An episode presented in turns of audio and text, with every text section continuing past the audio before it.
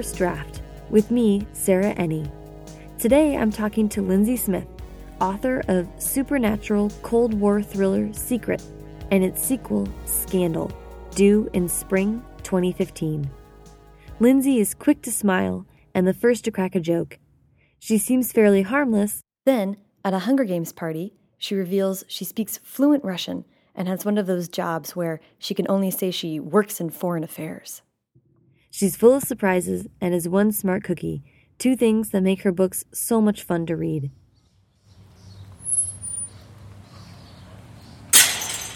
Lindsay's house is tucked away on a street lined with colorful row houses, wrought iron fences, and welcoming stoops, belying the fact that she lives just blocks from the capital and DC's largest train station. A short walk from the subway stop, it's a brilliant blend of the urban DC reality and the quaint southern neighborhood much of the city tries to be. Okay, so if you don't mind showing us where you work. All right, we'll head upstairs. And I didn't actually um, just ask this, but is do you um, write at home mostly? Yeah. Um, sometimes I'll go to cafes, and that's nice and refreshing, but mostly it's home. Um, so this is our office up here.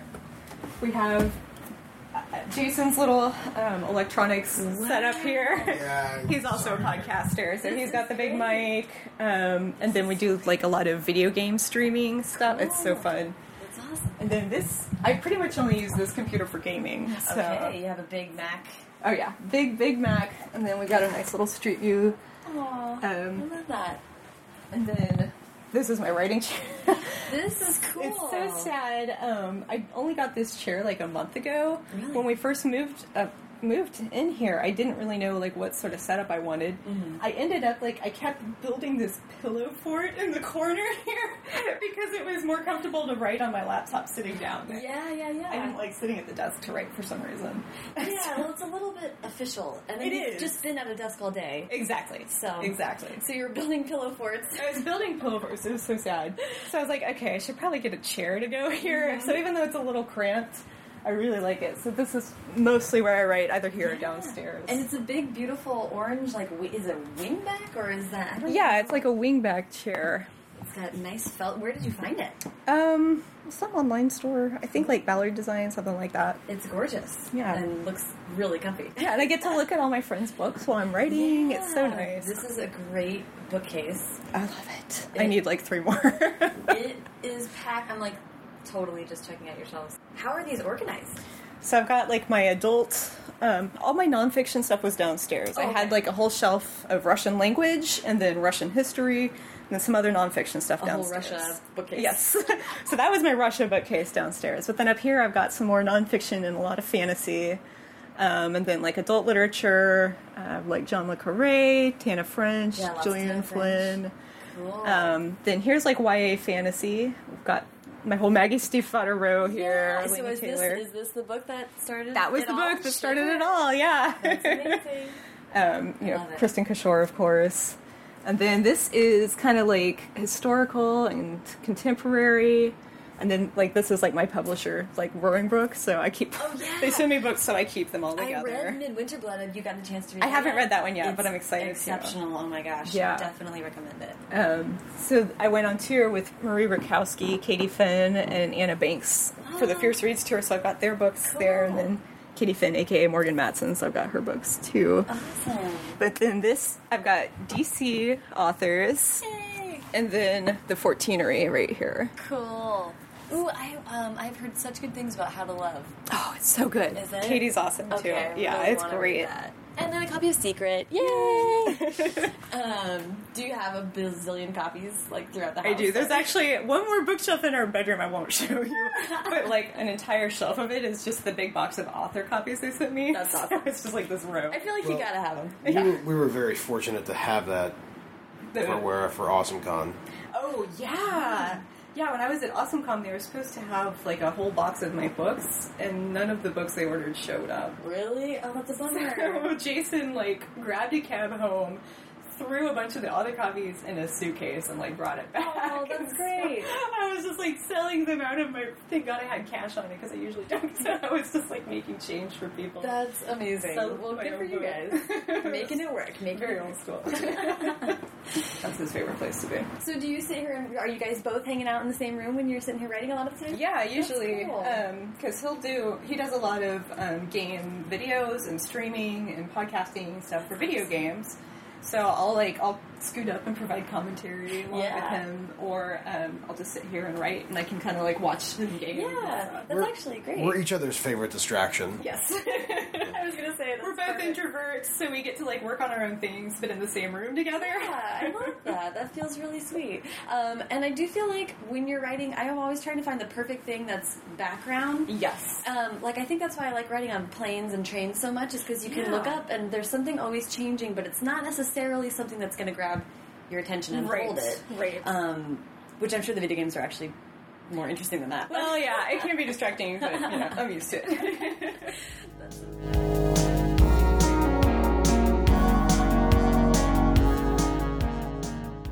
Okay, so let's start with where were you? Where um, were you born and raised? Where'd you grow up?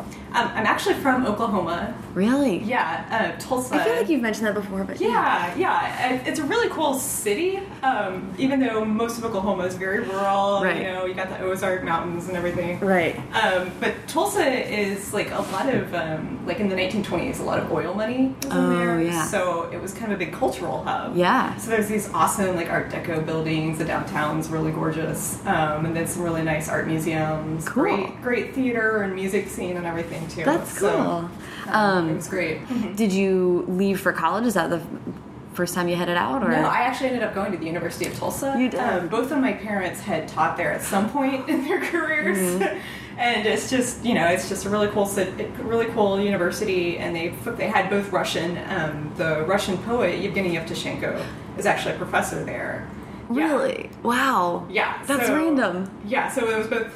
Um, they had that, which I wanted to do. I knew um, they had a good symphony program, which I loved, and then um, also a great computer security program, which I did. Ooh. So it was just might as well go here. yeah. What? So, what? Your parents were professors? yeah, yeah. My dad taught law at the law school there, and then my mom taught at the nursing school. For Cool. too. Wow. Okay. So, um, so definitely like highly educated household. how, so, how did um, the interest in Russia and thing, all things Russian begin? Um, I went to like magnet programs throughout school and started learning Spanish like in elementary school Mm-hmm. and preschool and so on.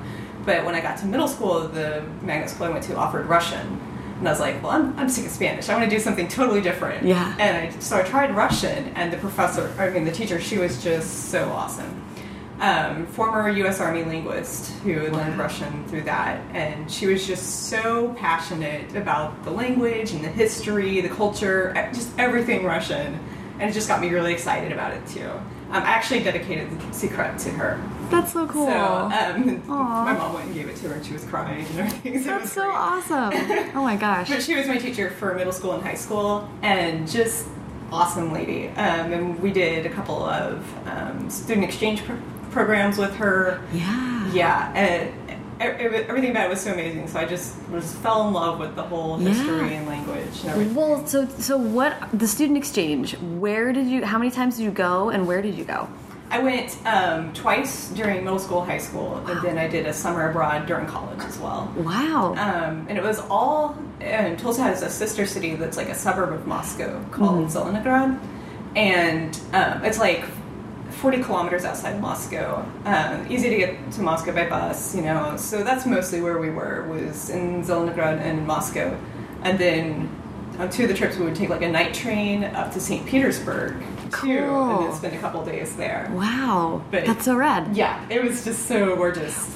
And when you're so you're, I mean, how old are you? You're talking the first time you're in middle school. Oh God, yeah, 12, I think. And it, was it um, a whole program? You had like people, like adults going with you, or how were you Yeah. supervised there? Yeah, it was um, our teacher and a couple other adults. Because Tulsa actually has a sizable Russian population, I think, because of the oil companies. Oh. Um, So there were a lot of um, ex Russian expats who live in Tulsa and so on who would accompany us. Uh, Yevtushenko's wife came with us one Wow. time. She's just a sweetheart. She teaches Russian in Tulsa now too. Oh my gosh, that's so crazy. Yeah. So it was just, you know, we had natives, we had people who'd been there a lot showing us around, but we stayed with host families, Wow. and then they came and stayed in Tulsa with us. It was just. That is cool. yeah. So you did you actually get the opportunity to have a Russian peer Yeah. and like show him around or show him or her around and Yeah. that's amazing. Yeah, it was great. And Wow.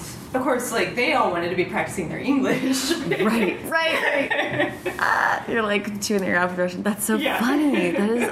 And did do you did you do like pen pal stuff with that or was it? Yeah. That's so cool. Yeah, we did a lot of pen pal. Like, this was back before email was really common. Right. You know, they didn't have internet at the time. Wow, wow, wow. but yeah, it was great. That's amazing. So then in college, what was that program like? That was um, a summer long program. Wow. And summer in Russia you think would be nice. It's really, it gets very hot there. Really? Really? But none, none of the buildings have air conditioning. They do this thing where, like, they shut off the hot water for like two weeks randomly for maintenance in all the apartment buildings. Oh my It's gosh. Really bizarre. but, so that wasn't quite as nice as like the spring trips. But Yeah. So in hindsight. yeah, but we did get to take like classes in Russian, um, just like basic history classes, and do lots of um, guided tours, Wow. um, both Moscow and St. Petersburg. Yeah. Um, just really amazing. That is so cool. Yeah. Um, okay, we're t- obviously going to come back to that. But also, you mentioned symphony. So, Oh, yeah. do you, you play an instrument? Yeah, um, my dad, in addition to being a lawyer, is also a composer. Wow, oh my gosh. He's obviously I get a lot from him. My interests, my wildly varied. Yeah, that's so interests. cool. That's so cool. Um, so he he's written a couple of musicals. Wow. Um, so I did like a lot of theater back um, as a kid growing up, but I really enjoyed music as well. So I've taken piano lessons all my life, but I really fell in love with um, the viola in high school. So that's kind of what I focused on through high school and college. That's amazing. Yeah. Do you still play at all? I do not as much as I'd like. Right. Um, it'd be cool to find like a string quartet group in Yeah. DC or something, but Yeah. I haven't really kept up with it as much as I should. Dude, that is amazing. Um, rad. So, so you did play all through college. Uh-huh, yeah. That is cool. Um, so, so before we kind of move on from college level, when did you actually start writing? Oh, I was always writing. Really? Um, like embarrassing little. Um, I had like this little rubber stamp set. I like recreated the story of um, Raiders of the Lost Ark with that. Okay, wait, wait, wait. Wait a second. In rubber stamps? Yes. Wait, I need an explanation. Oh, this yeah. is the letters, or like these are like symbols that you're making I the feel like little story? characters. Like I think it was a Disney rubber stamp set. I somehow like recreated Raiders of the Lost Ark with Goofy and Minnie. So it was almost like a comic book that you were creating with these stamps. That's amazing. yeah, I did like a little picture and then the narration down below. Wow. Okay, so um, that was like my earliest work. was stamp fan fiction.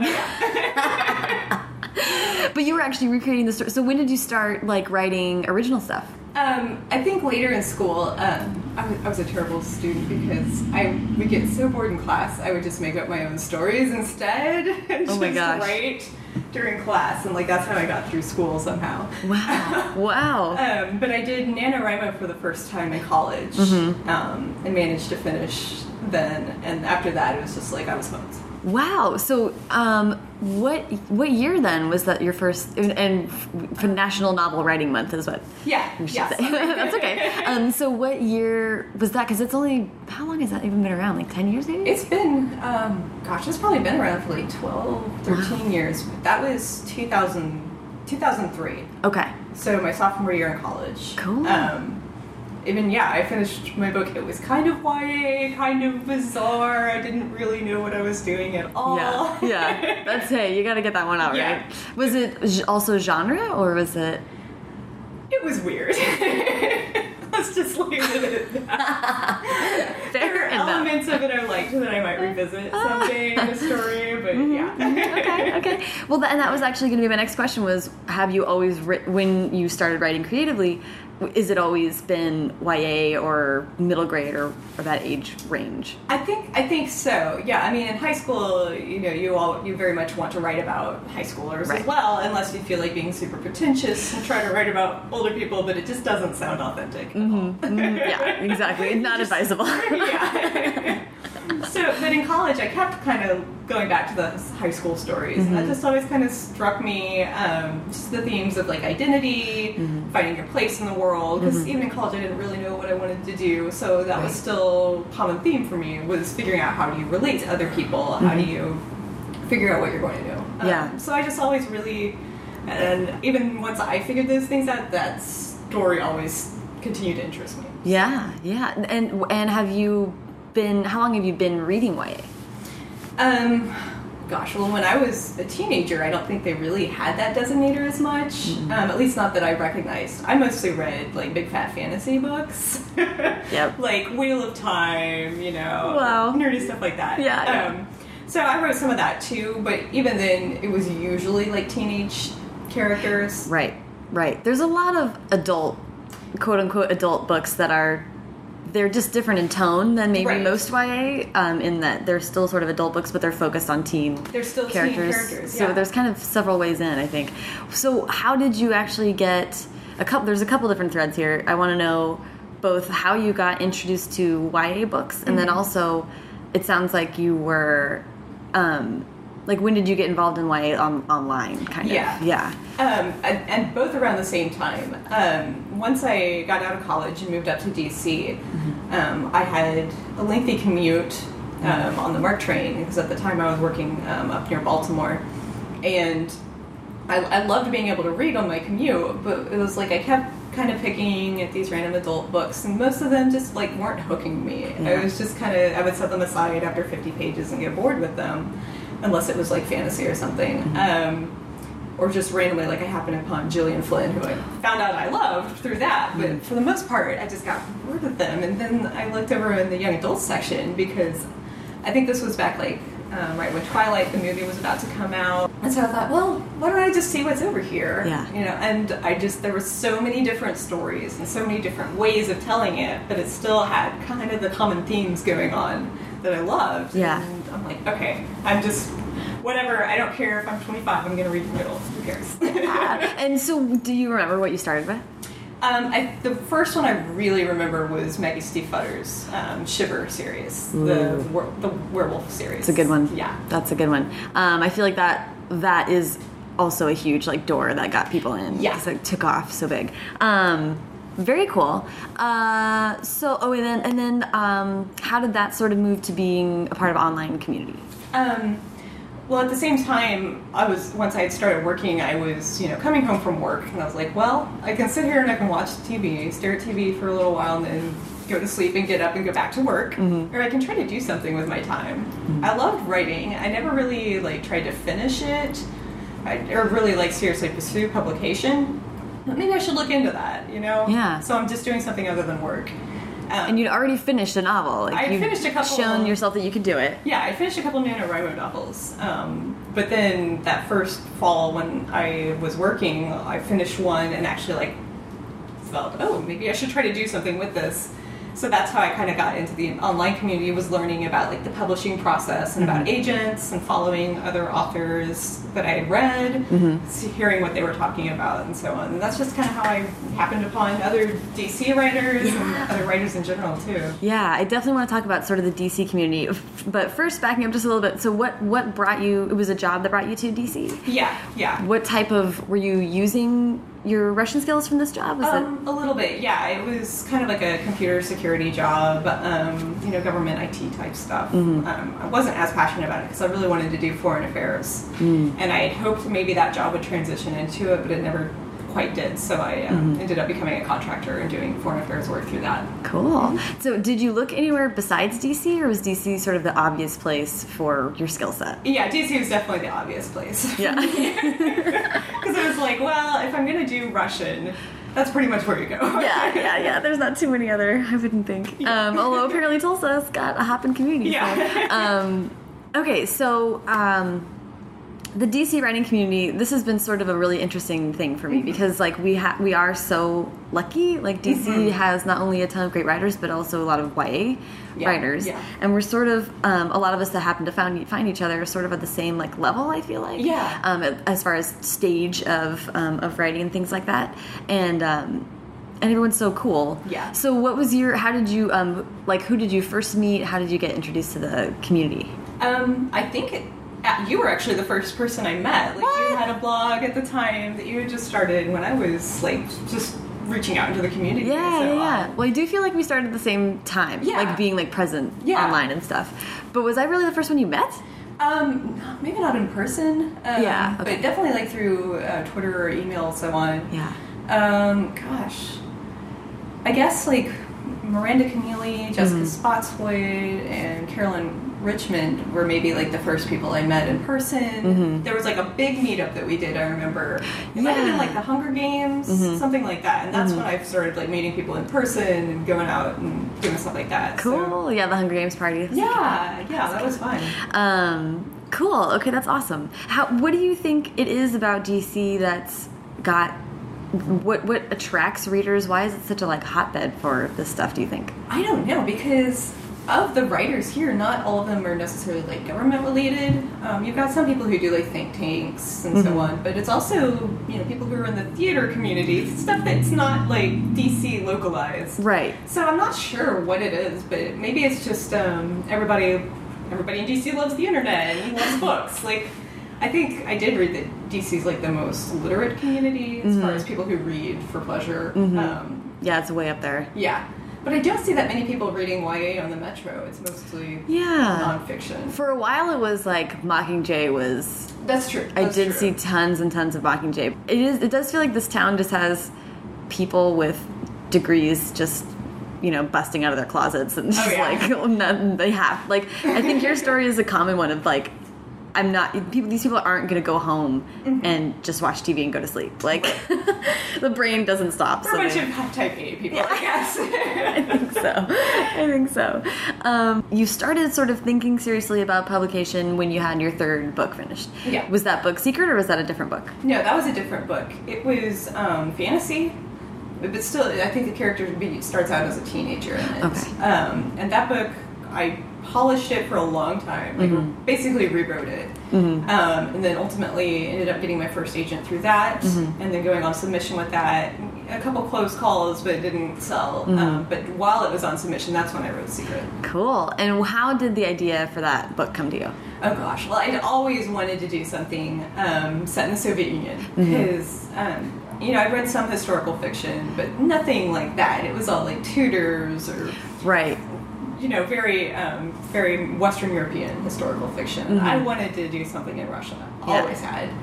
Um, so I was thinking about just the general atmosphere um, the paranoia involved and just how you know the only safe space for people was their thoughts and i thought well what if even that was taken from them? You know what if the government could look into that as well? And there was just no safe space for dissent or free thought. Right. You chose a specific a year for a specific reason, right? yes. Yeah the book's set in 1963 um, and i chose that because the space race at the time they were very much on equal footing. Like russia had gotten the first satellite in space the sputnik. And um, also the first man in space, Yuri Gagarin. Um, and so the U.S. was kind of catching up for a little while, but by 1963 it was about even keel, and they were both trying to reach the moon, of course. But then this was right after um, the Cuban Missile Crisis too, where things got really tense, and then we realized, okay, we got to take a deep breath, maybe calm down a little bit. But it was then just starting to ramp up again as um, Khrushchev started to lose his hold on the Soviet Union. You know, they started to have internal dissension in the Communist Party ranks and so on. And then Kennedy, of course, had just given the big um, "I'm a Berliner" speech. So it was just a really good, like, tense atmosphere where they were pretty much at equal pairing. This was before um, the Soviet Union really started to crumble. So Yeah. And how I think it's an interesting thing and I'm sure you thought had to think about this a ton that your characters are Yulia is like not maybe aware of all that.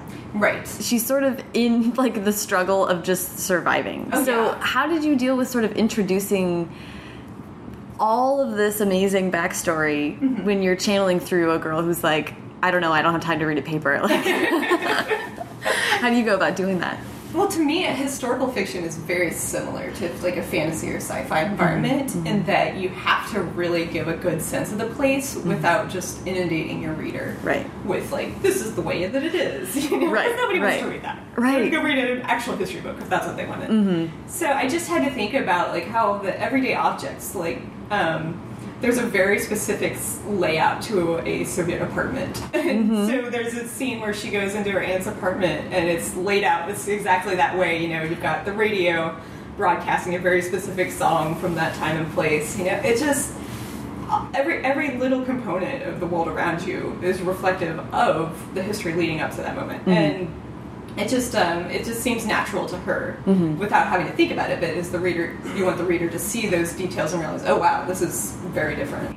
I, am gonna we're gonna come back and talk a little bit more about that. But you also mentioned the the fact that you had to, to um, I think it was like as Sekret was coming out or as it was on set or something like that. You had the experience of shifting agents. Yeah. So how did that? You don't have to talk about the specifics of it because we don't need to get into that. But like, how did having to make that change?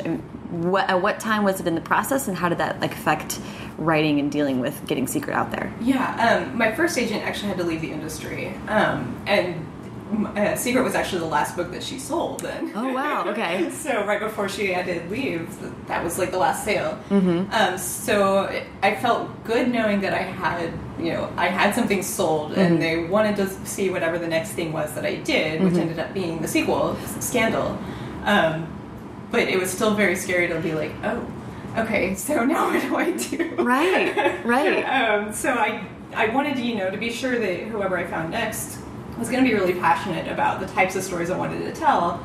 You know, I have a I, obviously I love YA, but I want I love fantasy as well. You know, I want to try adults and different things like that.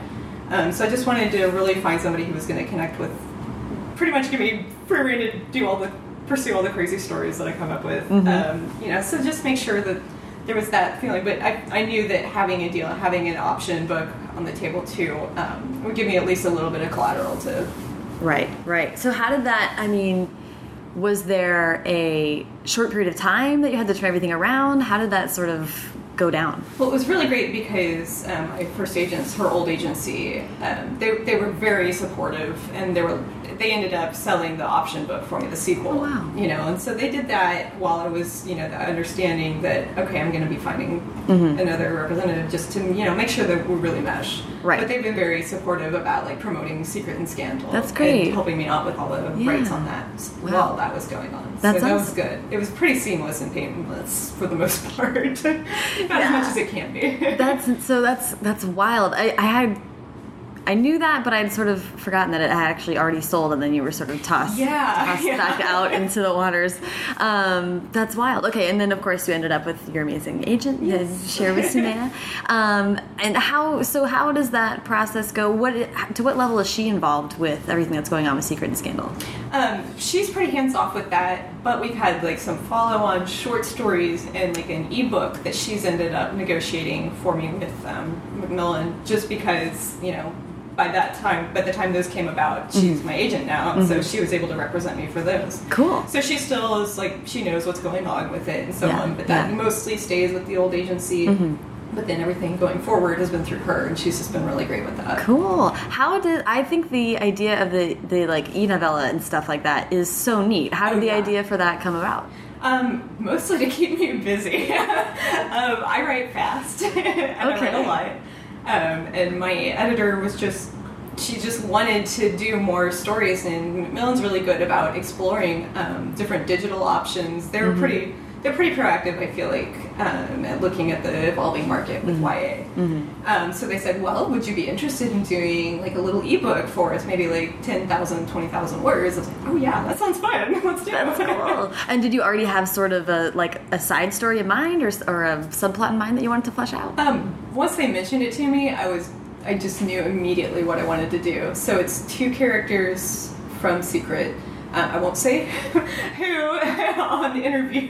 Ah, Good idea. yeah, but it's um, it's a prequel-ish story set at the fall of Berlin in 1945. Ooh. Um, so it's going to be Russian psychic spies versus American spies coming in, trying to persuade German scientists to defect and come back either with the U.S. Whoa. or with Russia. That's awesome. So, Oh my gosh, that's so exciting. And that's and is that going to be released closer to Skandal or Yeah, I Okay. think they're looking at January or February next, Cool. next year. Yeah. Cool, that's so exciting. Um, yeah, I, I really dig having sort of, I don't know, just like little like Easter eggs, you know, like Yeah. people can just keep diving into stuff, and especially if you're a fast writer like that, it's like Yeah. why not, you know? Um, that's so rad. Um, okay, okay, so, um, you know, obviously you've always been passionate about about Russia and Russian culture and things like that. But then you also now are like a professional in dealing with like I mean this is it's very real and you are uh, like involved in the ongoing of course Russia's like huge has a lot of influence on what's going on right now internationally. How do how does your the fact that you are like professionally involved in these foreign relation type of things impact you thinking about writing and still dealing with Rush, a Russian culture that you sort of fell in love with as a kid versus Yeah. what's going on now. You know what I mean? Yeah, well, it's so funny because like probably my earliest memory of like world events was of the Berlin Wall coming down. So that probably influenced me on some level too of the idea that there's this country that used to be our big enemy and now it's just open and free and everything. Um, but then, of course, as I got older, as Putin came to power and so on, it started to kind of contract again. And that's a really bizarre feeling because when I was over there under Yeltsin, we were all, oh, we're best friends now. Everybody like was celebrating it as this great, you know, two cultures coming together. And now it's not so much the case. I Yeah. don't know if I would have had the same experience if I were um, Yeah. teen now. Yeah. Um, so it's been kind of crazy. Like right when um, Sekret came out was when the crisis really ramped up in Ukraine, Yeah. and that was really terrifying. And just um, you know, on the one hand, people were like, "Oh, well." People are going to be interested in Russia now. And I was like, not for the right reasons. Oh God, this is terrifying. But I was, it was kind of nice to be able to just throw myself into work while the release stuff was happening, just so I wasn't thinking about it. But I couldn't think about it because I had so much to do, um, just paying attention to the news and everything. Um, so that that was that was interesting. That's so true. Yeah. Um, and and do you like going forward? You said that you're interested in like pursuing maybe writing adult, doing all kinds of different stories. Yeah. How do you think that um, dealing with foreign relations and stuff, your day job, is going to? Do you have you felt that already impact the stories that you come up with and things like that? Oh, absolutely. Um, like my my third book that is coming out is going to be a young adult fantasy called Dreamstrider, and it's kind of like an Inception-y Graceling mix.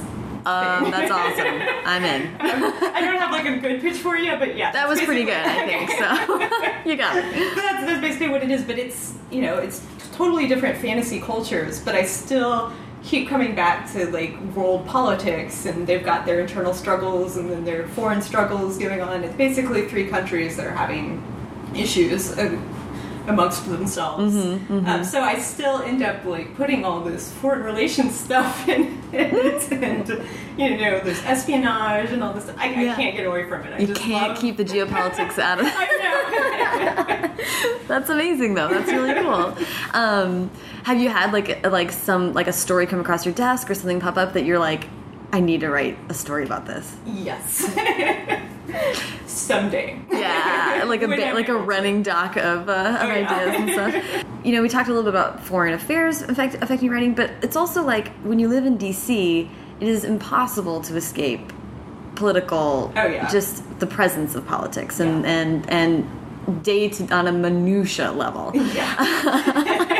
and uh, do you feel like that impacts? I mean, it does make you think about everything a little bit differently. I mean, you think about maybe more cynically. Yeah. I guess. Do you think that it gives more of a political bent to to your writing? Do you think about things differently? Do you think because we live in this area? Yeah, um, I mean, even though I live close to Capitol Hill, I kind of intentionally don't pay that much attention to Congress and what's going on there, just because I'm more interested in interaction amongst nations and not so much internal politics. Um, so I try to avoid all that, but it's hard, especially in DC. Yeah. Um, but yeah, you go to restaurants and bars and you hear people talking about it. You hear interns walking down the street dr- trying to name drop all these politicians. They were it's so silly. Yeah, it's true. Oh my god, especially this time of year. Yeah, yeah, but it is hard to, you you're very insulated here. And I go back to Oklahoma and I realize people aren't surrounded by this stuff. They have no idea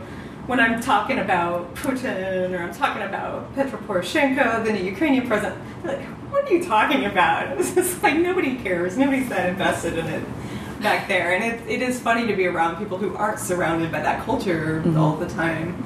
Um, and they're just they're just concerned with what's going on in their world, and you can really lose perspective on that here. I think. Yeah, I totally agree with that. I feel like then when I go anywhere else, like Yeah. like here you listen to NPR and it's the national news, which is recorded here, and Right. then you cut to WAMU local news, Yeah. which is still Washington news. So it's like you, we don't get out of the Beltway, and then I go listen to NPR elsewhere, and it's like.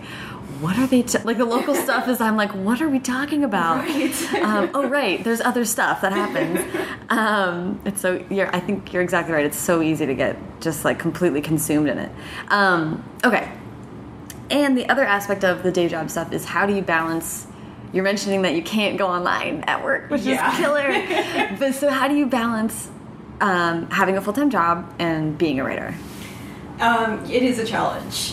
What I've found is I, I can't get up super early and write. I just can't. My brain's not awake. I can't work out either. I just it takes me. A, my commute is make my wake up time. Wait for the caffeine to kick in. Yeah. Um, but I spend most of my day at work when I'm not actively engaged in something, like letting a story churn in the back of my mind. Um, and at lunchtime, usually I'll jot down like a couple of plot points for what I know I want to write next. So by the time I'm home, I've got all these ideas, and I've kind of like tried out different permutations for a scene in my head. Ooh. So, like, I kind of usually by the time I get in the door, I've got it figured out. So I'll take a little bit of time, make dinner, relax, walk the dog, whatever.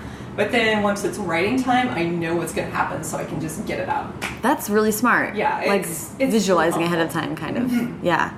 Yeah, because I'm not like a big outliner, mm-hmm. but I at least have to know what's going to happen right next, mm-hmm. and that gives me that time to figure that out. So in a way, it's almost having the day job and the forcible time away from writing. Yes. is a benefit. Yeah, yeah, I really think so. Like, I don't know if I would be that much more productive if I weren't working, because I would just find other things to fill my time with. There was, I think there was um, a blog post or something Victoria Schwab wrote, and she was like, "I just know that I only have two thousand good words in me every day. Yeah, exactly. That's it. And Exactly. it's, it doesn't matter what else I do with my time. Like Yeah. being a full time, quote unquote, full time writer, you're still you can only give so much at a time. It's not It's like any other job. Yeah. Um, it seems like. Um, oh yeah, and I just wanted to bring up because I read, I was reading in your blog before the interview that you were, I think, just like a throwaway sentence in the middle, but that I thought was so great. It was like you said you live life on hardcore setting. Oh yeah, it's so true. it's like before I moved up here, I was like, what did I do with my time? How did I not write like twelve books? But it, you have to be busy to really make your time count. I think. Um, I just, I don't know. Something about having stuff to do forces you to actually get it done. Yeah, and I that I, it like completely hit a chord with me. I was like, that's such a great way of saying it. Mm-hmm. And I was telling my brother recently, like. This, he had never heard the, the saying before if you want something done give it to a busy person Oh, yeah. and because he just got a new job and he's doing all these things and he's like wow i'm just so productive i was like yeah once you start once the ball, ball starts rolling you just realize that you don't want to sit down and Yeah. veg out for an hour you just want to keep going until basically you just crash and go to sleep Exactly. and then do it all again Well, I think that's like one of Newton's rules of physics or something. Body in motion. stays in motion exactly exactly a, a writer in motion keeps on writing. Terrible. it's the the dc community all these people that we do have around us that are actually really inspiring because they do Yes. keep moving and are and they are always producing it feels like you can never rest because then you realize that miranda's got a new book coming out and you're like man Exactly. how does she keep doing this This is great like it just it's inspiring so how do you feel like having the community of writers has has changed your writing style or your writing your um, outlook on writing Oh, it's so encouraging. It really is. Like when I first wrote that NaNoWriMo novel in 2003, I was like, oh, well, maybe I'll just edit this and then I can kind of self-publish it or something. You know, it's not a big deal. I mean, this is just something that it's just a hobby. Mm-hmm. But being around people who have gotten their books out there and who are mm-hmm. making a career out of this is so inspiring and motivating because you're like, well, why can't I do that? You know, I, it's not like it's not diminishing them to say that. It's just wow, this is a thing that real people can do. Yeah, yeah. not just this huge pedestal Mm-hmm. that people is bequeathed to people. Yeah. Um, I feel like, did you ever, as a kid, when I was a kid, it was being a writer was not real. Right. Like they were not real people. Right. They were some sort of demigod type of individual that just Exactly. sequestered away and and continuously output genius Yeah. in some mysterious like. I, I- I was I had no it was absolutely not even a reality to me that Mm-hmm. that would be something you could do and I don't even know when it, it happened that I was like oh yeah they're just people Yeah. and I and like opening a word document and starting to write a book the first time is the weirdest even Yes, thinking back on it weirdest thing you're just like oh I guess I'm just writing a book now Right, right. and then somehow you hit like 50,000 words and you're like, wait. I did I I just did it like this is really happening um, and I think that's that's the hardest part is just starting and accepting like I'm going to try to do this thing that mm-hmm. seems impossible Yeah, it is. Yeah. It is impossible. It, and it still feels that way. You know, I'm writing, a, a, once I get like to maybe 20 or 50 pages, I'm just like, oh wait, this is kind of book shaped and this might actually be a thing. I don't know how that happens, but somehow it happens. yeah and do you feel like you look back when you finish when you hit like the end or at the end of a draft or whatever you look back and you're like when did I how did this happen yeah, yeah, it's just like it sneaks up on you. yeah, it's such a weird process. But um, yeah, so having the having the writers around and like, do you feel like do you um, brainstorm in person? How do you um, interact and sort of critique and stuff like that? Um, I do trade a lot of pages with people. Um, usually, just like chunks of pages. Like I'll read like a sample of Jessica's stuff for her, or I'll have Caroline read a draft for me or something. Um, but then I also have a crit group um, that's kind of dispersed across the U.S. Through through online Yeah, meeting with that people. I met through online. Yeah, and, and yeah, like meeting other, seeing other people online and realizing that oh yeah, they have these lives too, and they just they just made the effort to write and Mm-hmm. revise and eventually pursue representation and Yeah. publication that made it real for me. yeah, Um, sorry, that, No, no, no. going back to that, but um, yeah. but yeah, it's um, well, I'm sorry, what was the question? No, I know that's okay. Um, uh, critiquing styles and like Oh, beta yeah. readers and stuff like that.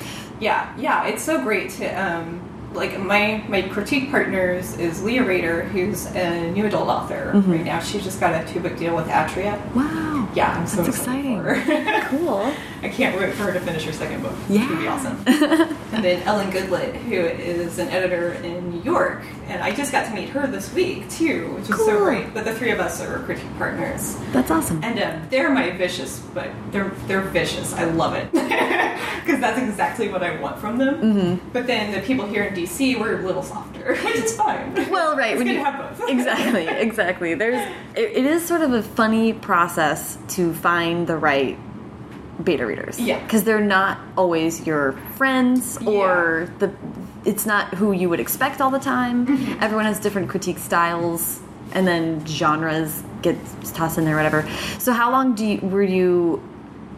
Like, when did you first start to to put your work out there to be critiqued? Oh God. Um, I think I think my first book that that I got my first agent with um, was somebody I just met on like the NaNoWriMo Awards. And we, mm-hmm. we had both written these epic fantasy books, so we just kind of traded chapters back and forth slowly, like as we were.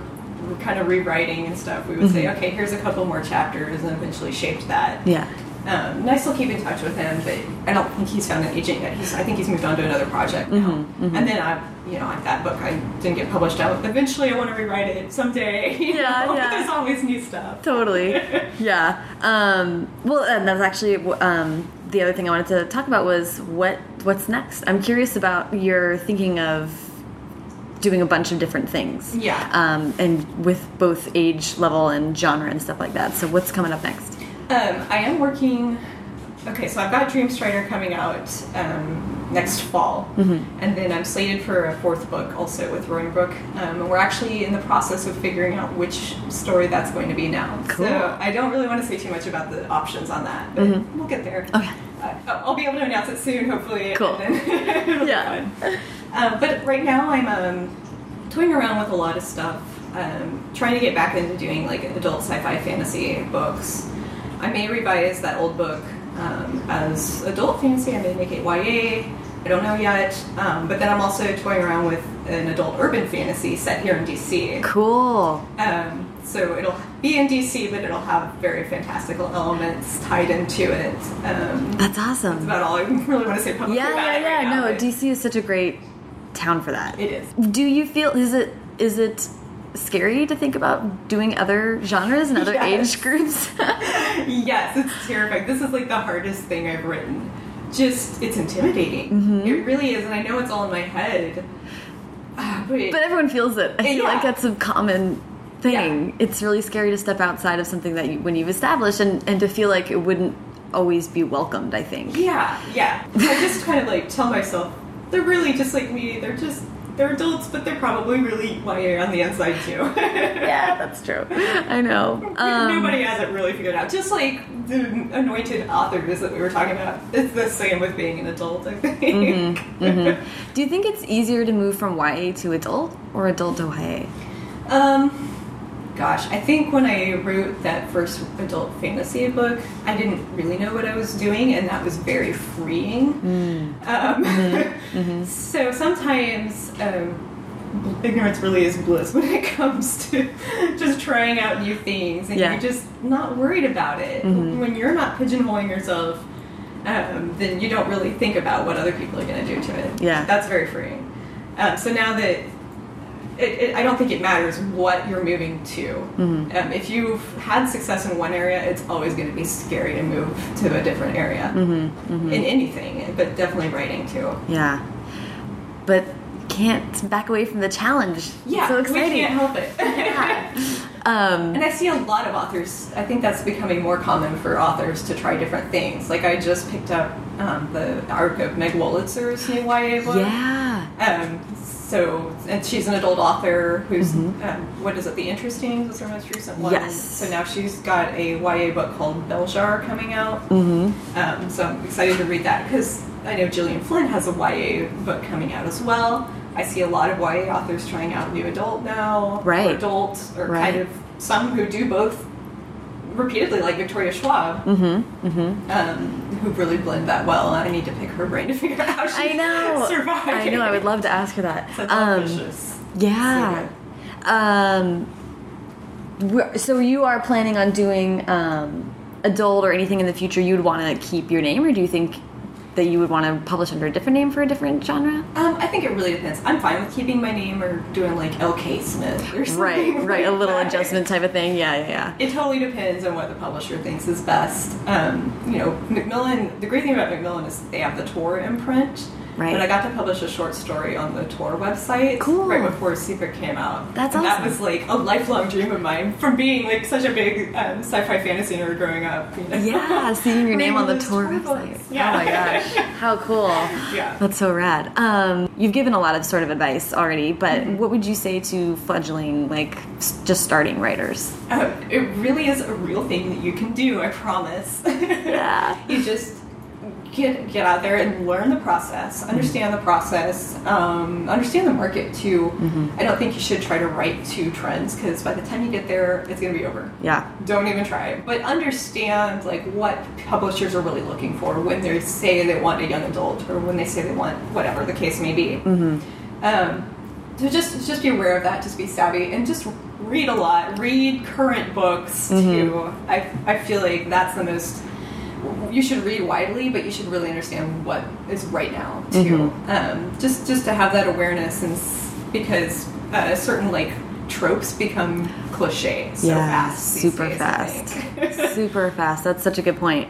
Um, yeah, and I do feel like I forget who I was talking to about this the other day, but there's nothing worse than listening to a YA panel and hearing an author, the, hearing them be asked for their other favorite books and they don't mention a single YA, oh yeah, and you're like, is- ooh. yeah. That's not very cool, even. Like, like I'm losing confidence in the fact that you understand what you were supposed to be writing, or or that there's just not a like a respect for what we're all really passionate about. It's sort of mm-hmm. a, it stands out. right, it does. You know, and I, I love stuff in every genre, but um, I'd say at least fifty percent of my reading and passions are YA. Yeah, yeah. When do you get the chance to read? Um, usually on my commute. Mm-hmm. Um, sometimes at lunch if I'm not like super into drafting Mm-hmm. or whatever.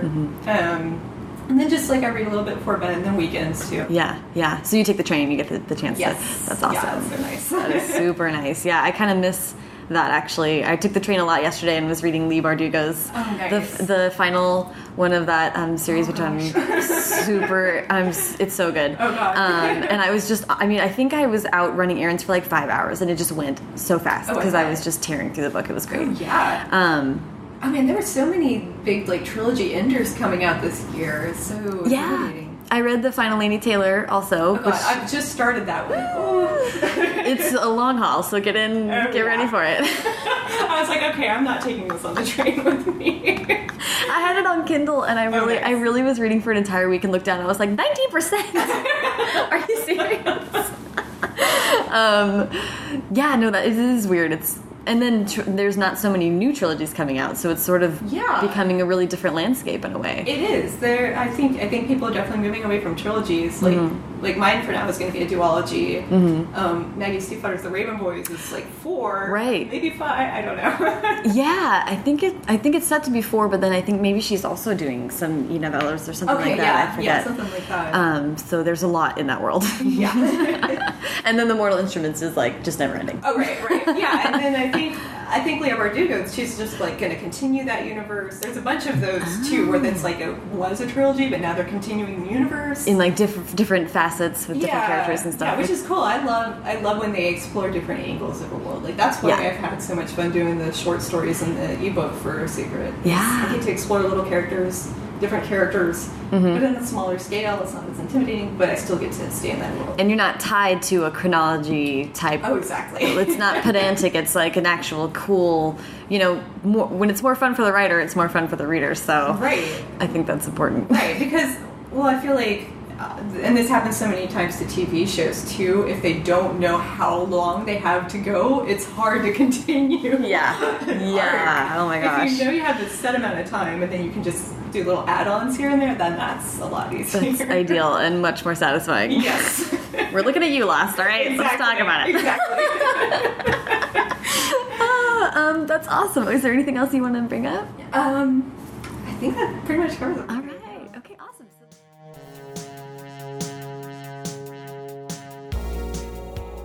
Thank you so much to Lindsay Smith.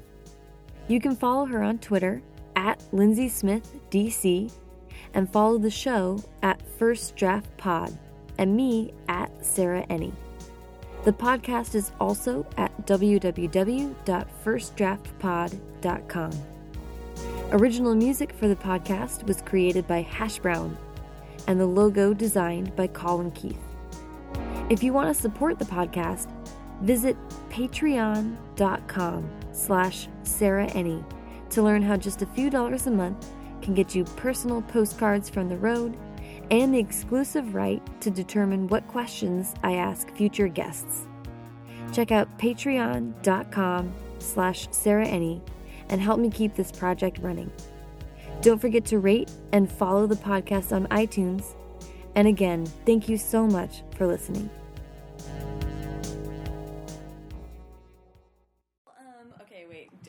To see if we can get Cooper to. I don't know. I feel like it's easier with a cat because I want to try to get the cat purring and they're not upset.